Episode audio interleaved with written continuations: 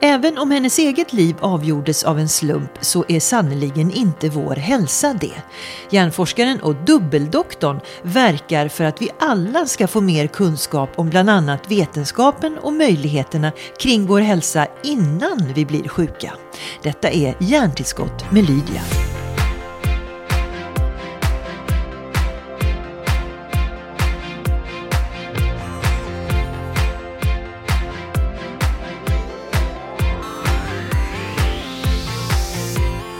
Du, jag tror aldrig någonsin en poddgäst har matchat den här podcastens namn så himla bra som du gör. Eh, därför säger jag så här, jag är väldigt glad att ha en hjärnforskare här i Hjärntillskott. Välkommen! Oh, så trevligt, tack! Välkommen doktor Mona Esmailzadeh. Eh, var det rätt uttalat? Ja, ganska bra. Ja. Kan du uttala mitt då? Eh, ja, jag kan försöka. Du behöver inte, vi är Lydia och Mona med varandra. Du, eh, Mona, det, det är inte så konstigt att eh, folk faktiskt känner till dig och det du pratar om. För du har pratat om framtidens hälsa i ett decennium nu mm. i olika sammanhang.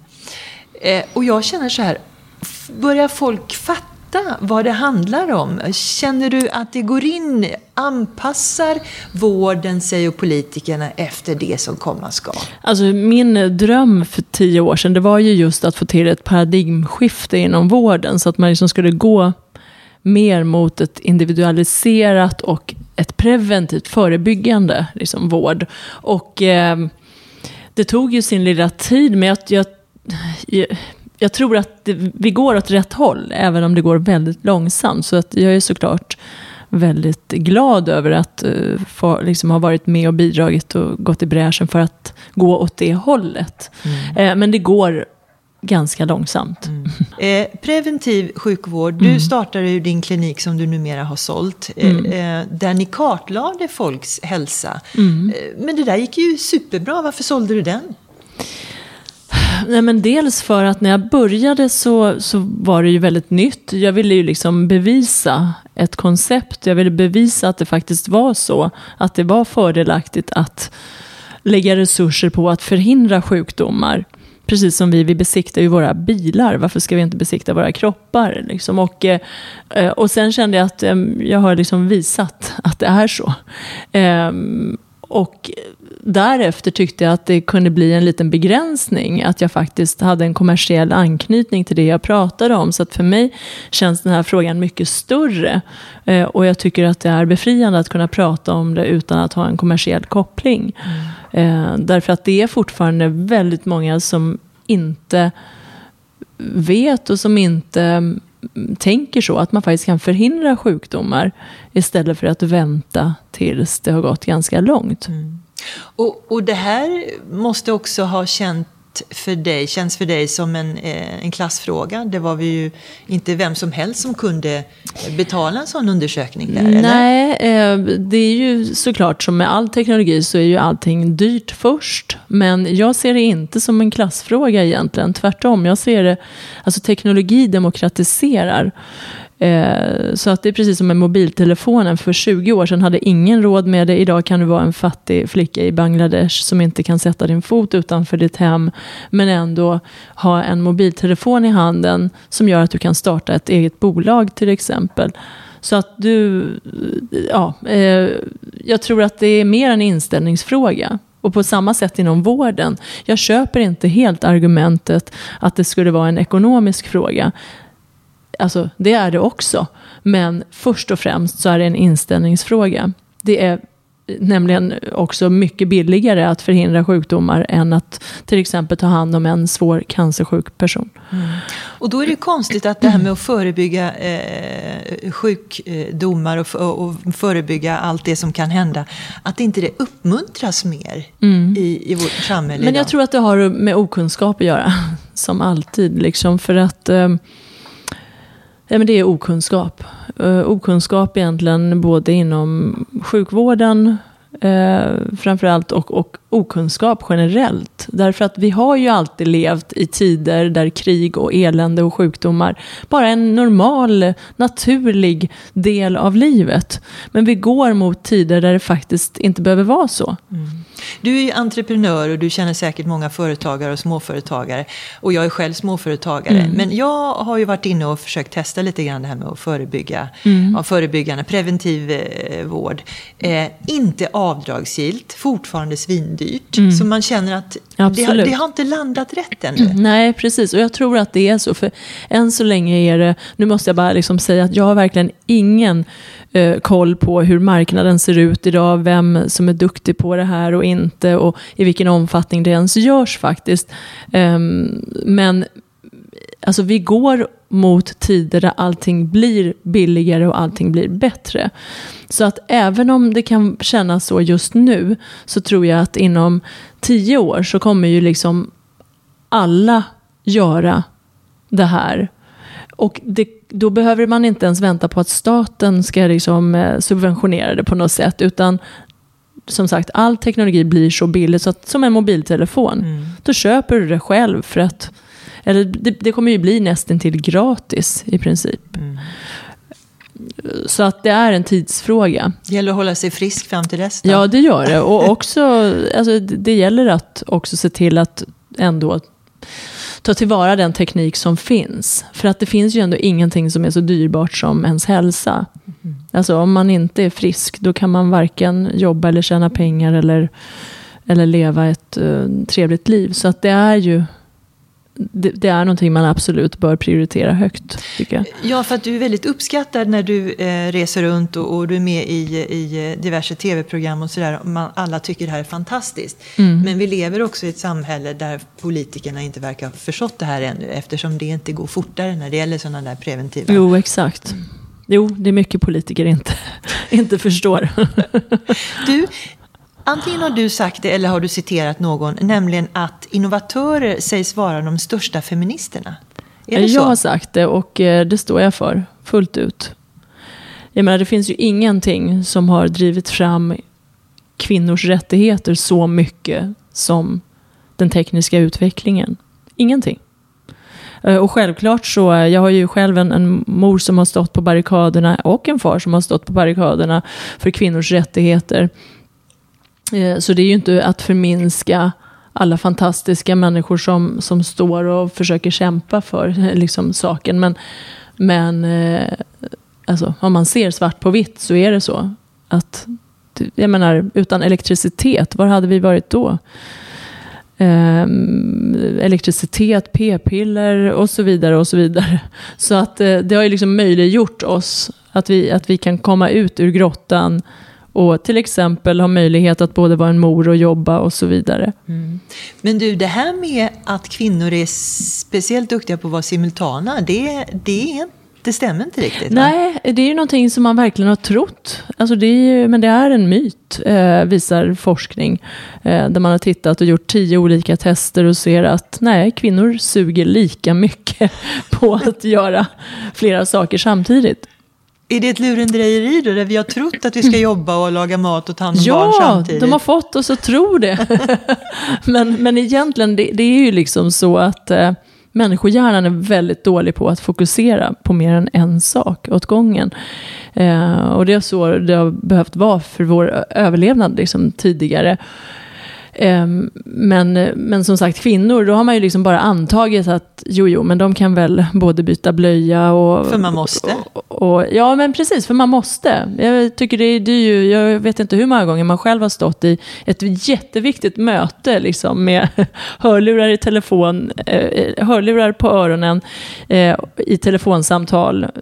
Det kan vara liksom ett styrelsemöte, men du kommer inte bort ifrån att du har en unge som ska ammas och så har du någon som behöver byta blöja och så har du Ja, matlagning klarar jag mig undan för att de kastar ut mig ur köket för att jag är så usel. Men, men... Vad skönt att höra att det finns fler.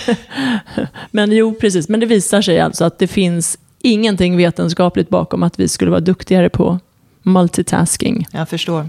Eh, många blir glada och många blir oroliga när du, du säger det där, men då vet vi. Eh, och det har en, en, jag vill komma till en slutsats här någonstans. För vi pratar ju om att vi lever allt längre och det gör ju i synnerhet vi tjejer då. För vi lever ju generellt längre, eller hur? Mm. Oavsett hur vi påverkar det. Eh, stämmer det? Ja, det har, ju, det har ju varit så i alla fall ja. hittills. Det beror väl lite på också kanske om vi ändrar livsstil och vad vi gör och så vidare. Ja, det är sant. Men, men absolut. Men jag tänker, är det inte konstigt då, vi kan ju gå på månen och åka till Mars, men man har inte fokuserat så mycket på kvinnlig hälsa. Mm. Eh, tjejer som är lite äldre än oss och kanske jämnåriga mm. har ju enorma utmaningar med allt möjligt. Mm. var, varför pratar man så lite om det? Om hormoner och allt det där? Alltså det finns väl en massa olika förklaringar till det. Dels kan det ju vara för att eh, det generellt är färre tjejer som kommer in i forskningsvärlden. Det kan vara för att det är eh, menar att man kanske inte kan göra... Det finns en massa olika faktorer till det. Men det är ju extremt viktigt naturligtvis eftersom det faktiskt utgör halva befolkningen. Mm.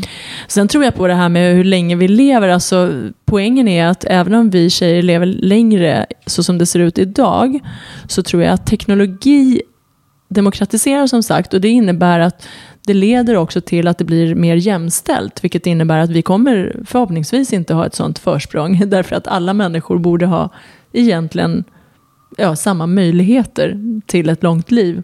Så att... Det kommer tyvärr att bli mer rättvist, tror du? Det, det kommer att bli mer rättvist, men det är väl jättebra. Ja. Vi har ju bröder och fäder och sånt, och, och söner också. Så det är väl, ja, ja, de ska leva bra. lika länge. De kan inte smita undan. Eh, jag tänker, um, du har ju blivit, eh, eller arbetat till, dig till och studerat till, till att bli dubbeldoktor som det heter. Mm. Och du har ju också en eh, duktig brorsa som blev den yngsta docenten i materialkemi. Ja, alltså. i Sverige överhuvudtaget I, ja. faktiskt. Alltså yngsta docenten historiskt i Sverige. Ja. Eh, och man kan väl lugnt kalla er för superentreprenörer. Var har ni fått det ifrån? det, det vet jag faktiskt inte. Jag vet inte om vi är super någonting överhuvudtaget. Men, men jag tror att det i alla fall har spelat, vår bakgrund har spelat en stor roll tror jag. Eh, I vårt driv. Eh, vi, vi, ja, vi kommer ju från Iran och levde en ganska turbulent tid i Iran. Eh, jag hade ju aldrig sett en lekpark innan jag kom till Sverige.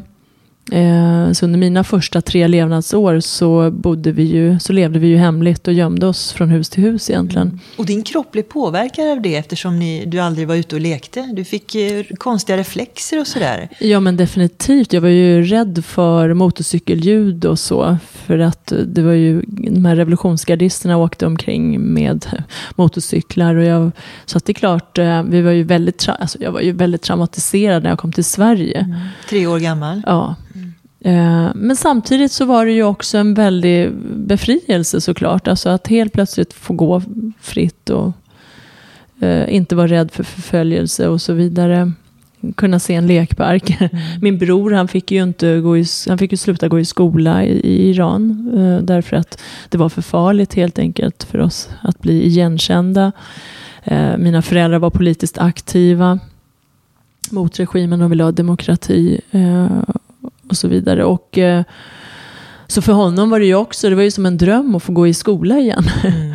Men jag tror att, du vet, vi brukar liksom säga att trauman ger superkrafter. För att man lär sig att inte ta saker för givet.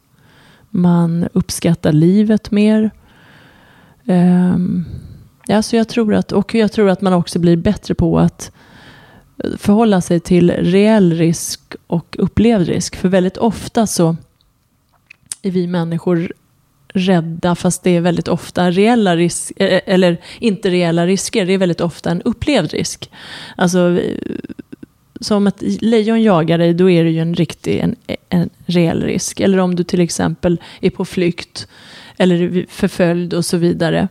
Men du vet, du får ju samma reaktioner i kroppen bara för att du missar bussen eller du vet, du går i konkurs. Liksom. Men att gå i konkurs, det är ju, alltså, du dör ju inte av det. Mm. Så jag tror man lär sig att ändå få perspektiv och, och liksom kunna... Och därför tror jag också att vi kanske är mer risktagande.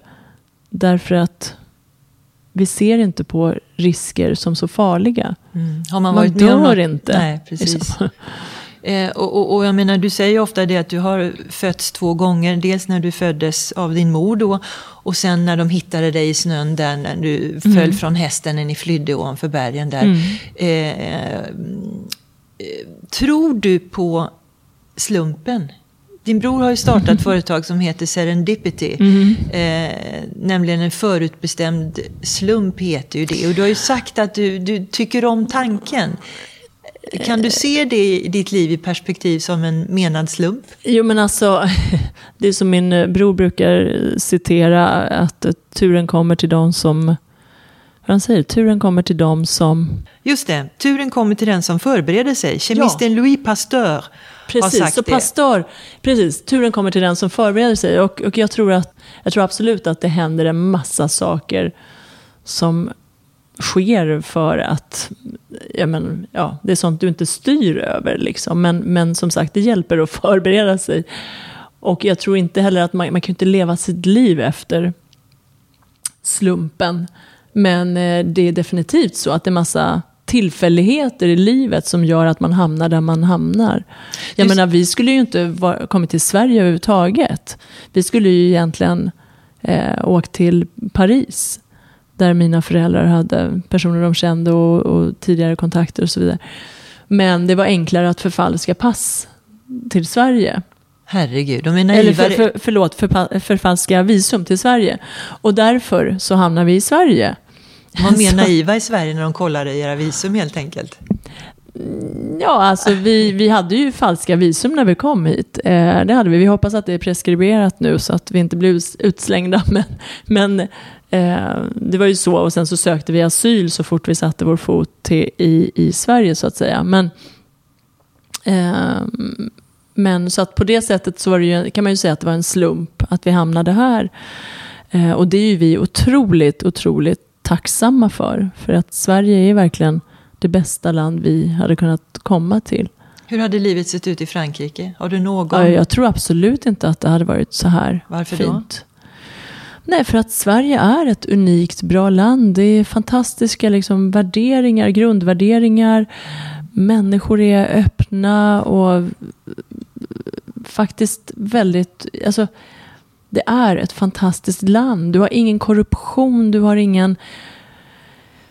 Sverige är ett väldigt bra land Mm. att komma till. Ehm, Du, jag tänker nu när faktiskt småflickor till och med kan avrättas för att de har blivit våldtagna i, Mm. i, i, i ditt gamla hemland Iran. Hur mycket kontakt har du med Iran och folket? mycket, eh, mycket kontakt faktiskt. Kan man Eh, och ha det? Kan ni väldigt- åka tillbaka? Är det... Nej, vi åker ju inte tillbaka. Ehm, jag hoppas att jag kan åka tillbaka någon dag snart. Eh, att regimen faller och att Iran blir ett demokratiskt land. Eh, du vet, när vi kom till Sverige så var ju planen inte att vi skulle stanna här i 35 år eller vad det är nu. Eh, utan planen var ju att inom ett år så har det väl blivit annorlunda så att vi kan åka tillbaka. Så för oss har det ju egentligen alltid varit en tillfällig bostad, ett, ett tillfälligt hem. Mm. Kanske lite sanning med modifikation, för du bor ju i Marbella med familjen. Ja, det är sant faktiskt. Det är sant. Men där, och det, det kan jag känna mer, att så fort man sätter foten utanför Sverige så känner jag mig mycket mer svensk. Annars brukar ju liksom mina persiska, mitt persiska kulturarv eh, liksom vara det som dominerar. Men, men så fort man tar sig utanför Sverige, alltså när man åker utomlands, eller som jag nu till exempel som bor i Marbella, eh, då klassar jag mig helt plötsligt som svensk. Mm. Varför bor du i Så det Marbella? verkar som att jag alltid eh, klassar mig som, eh, precis, alltså det verkar som att exil på olika sätt passar mig bra. Eh, nej men det är eh, många fler ljusa timmar om Det är så dygnet. enkelt helt enkelt. Ja. Ja. Eh, jag tänker eftersom du har ditt persiska ursprung så var det en perser som sa till mig eh, att man kan se livet som en eh, persisk matta. Mm. När man står för nära så förstår man inte vad den här knuten har för Mhm. eh, mening. Mm. Men när man zoomar ut så ser man, jaha, den knuten fanns till för att. Just skapa det. det. här mönstret. Apropå slumpar som man inte förstår varför de Verkligen. händer. Mm. Så den får du av mig, kan du använda. Mm, tack snälla. Eh. Den är faktiskt jättebra. För den använder jag själv när jag inte förstår olika saker. Så tänker Ja, jag, och när man känner att eh, det kan kännas lite deppigt. Liksom. Ja. Ehm, den är jätte, jättebra faktiskt. Det stämmer. Vad gör du när du är deppig då? Vad gör jag? Jag spelar piano. ehm, spelar eller sjunger. Ehm, det tycker jag är min... eh, Det är där jag får utlopp för mina känslor. eh, I musiken faktiskt. Ehm, sen så försöker jag omge mig med människor som... eh, ja. Ehm, så att, att ja, umgås, vara med människor som man tycker om och som man vet älskar en tillbaka. Liksom. Mm. Och eh, där man bara får vara dålig. Kan du det? Kan du vara dålig också? Ja, absolut. Det är mitt grundläge.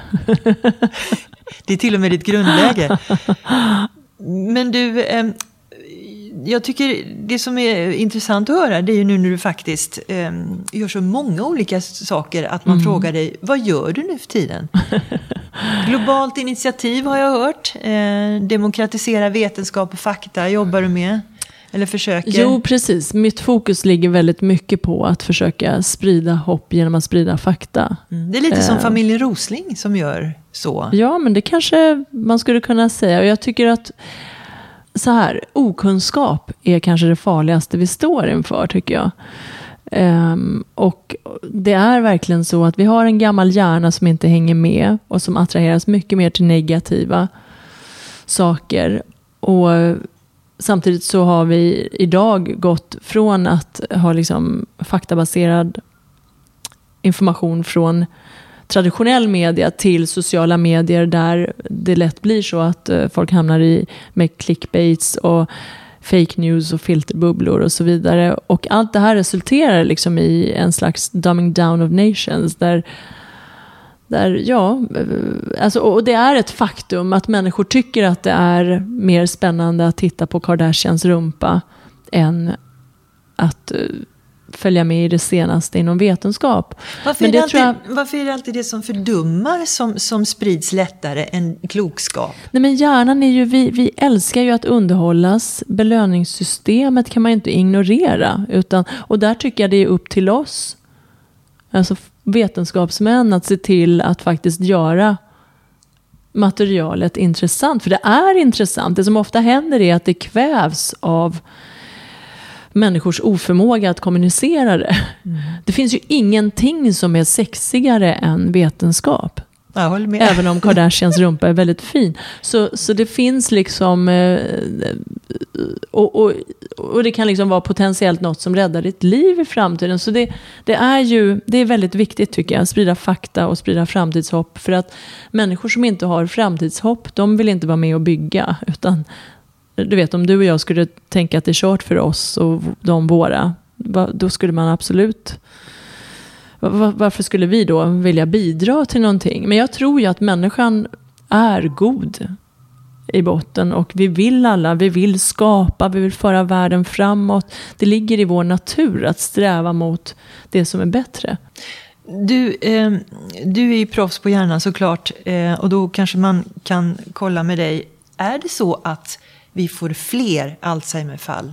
Eller är det bara det att vi upptäcker Ja, men fler? vi lever ju längre och det i sig gör att eh, sannolikheten ökar ganska dramatiskt. Med, så att därför är ju det ett väldigt stort problem.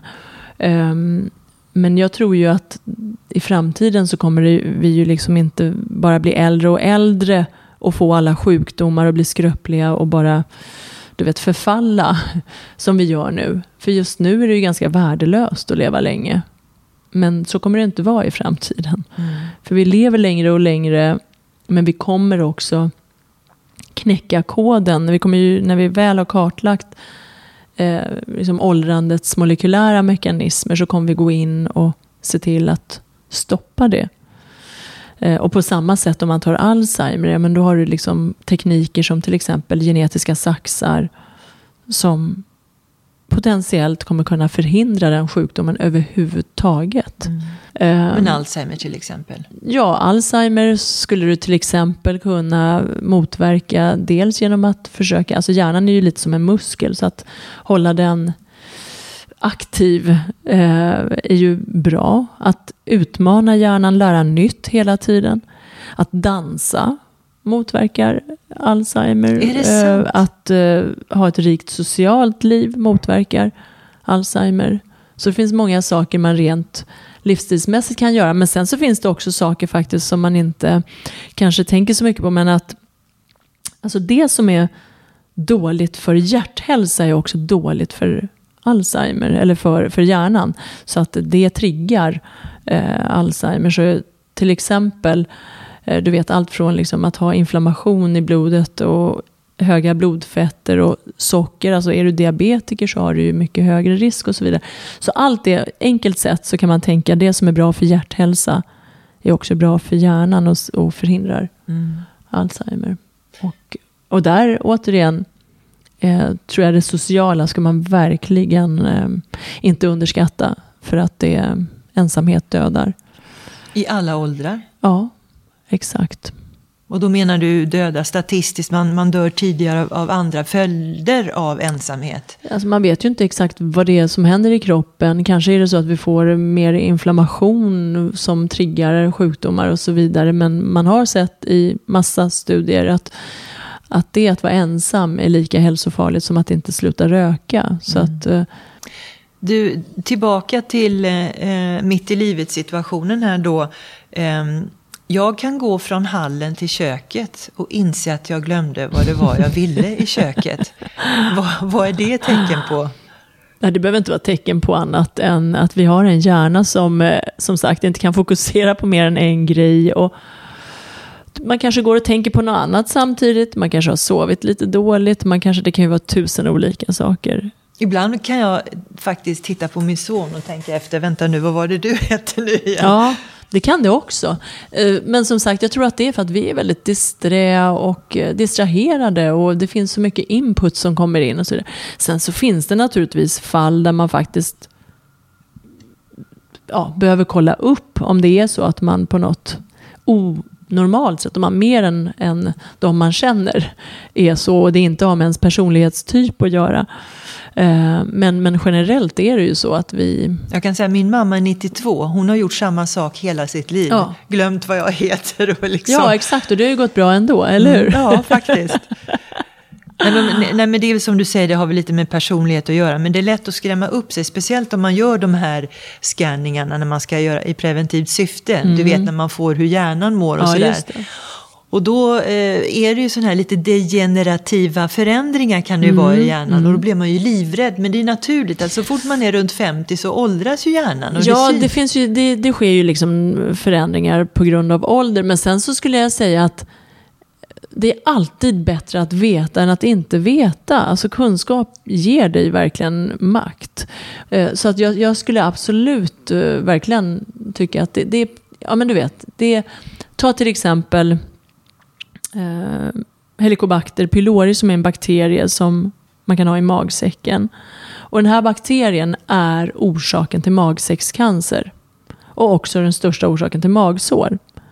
Och både alltså blödande magsår är ett livsfarligt tillstånd och mm, ja, magsäckscancer är en mycket aggressiv cancer som när man väl upptäcker det så är det ganska kört.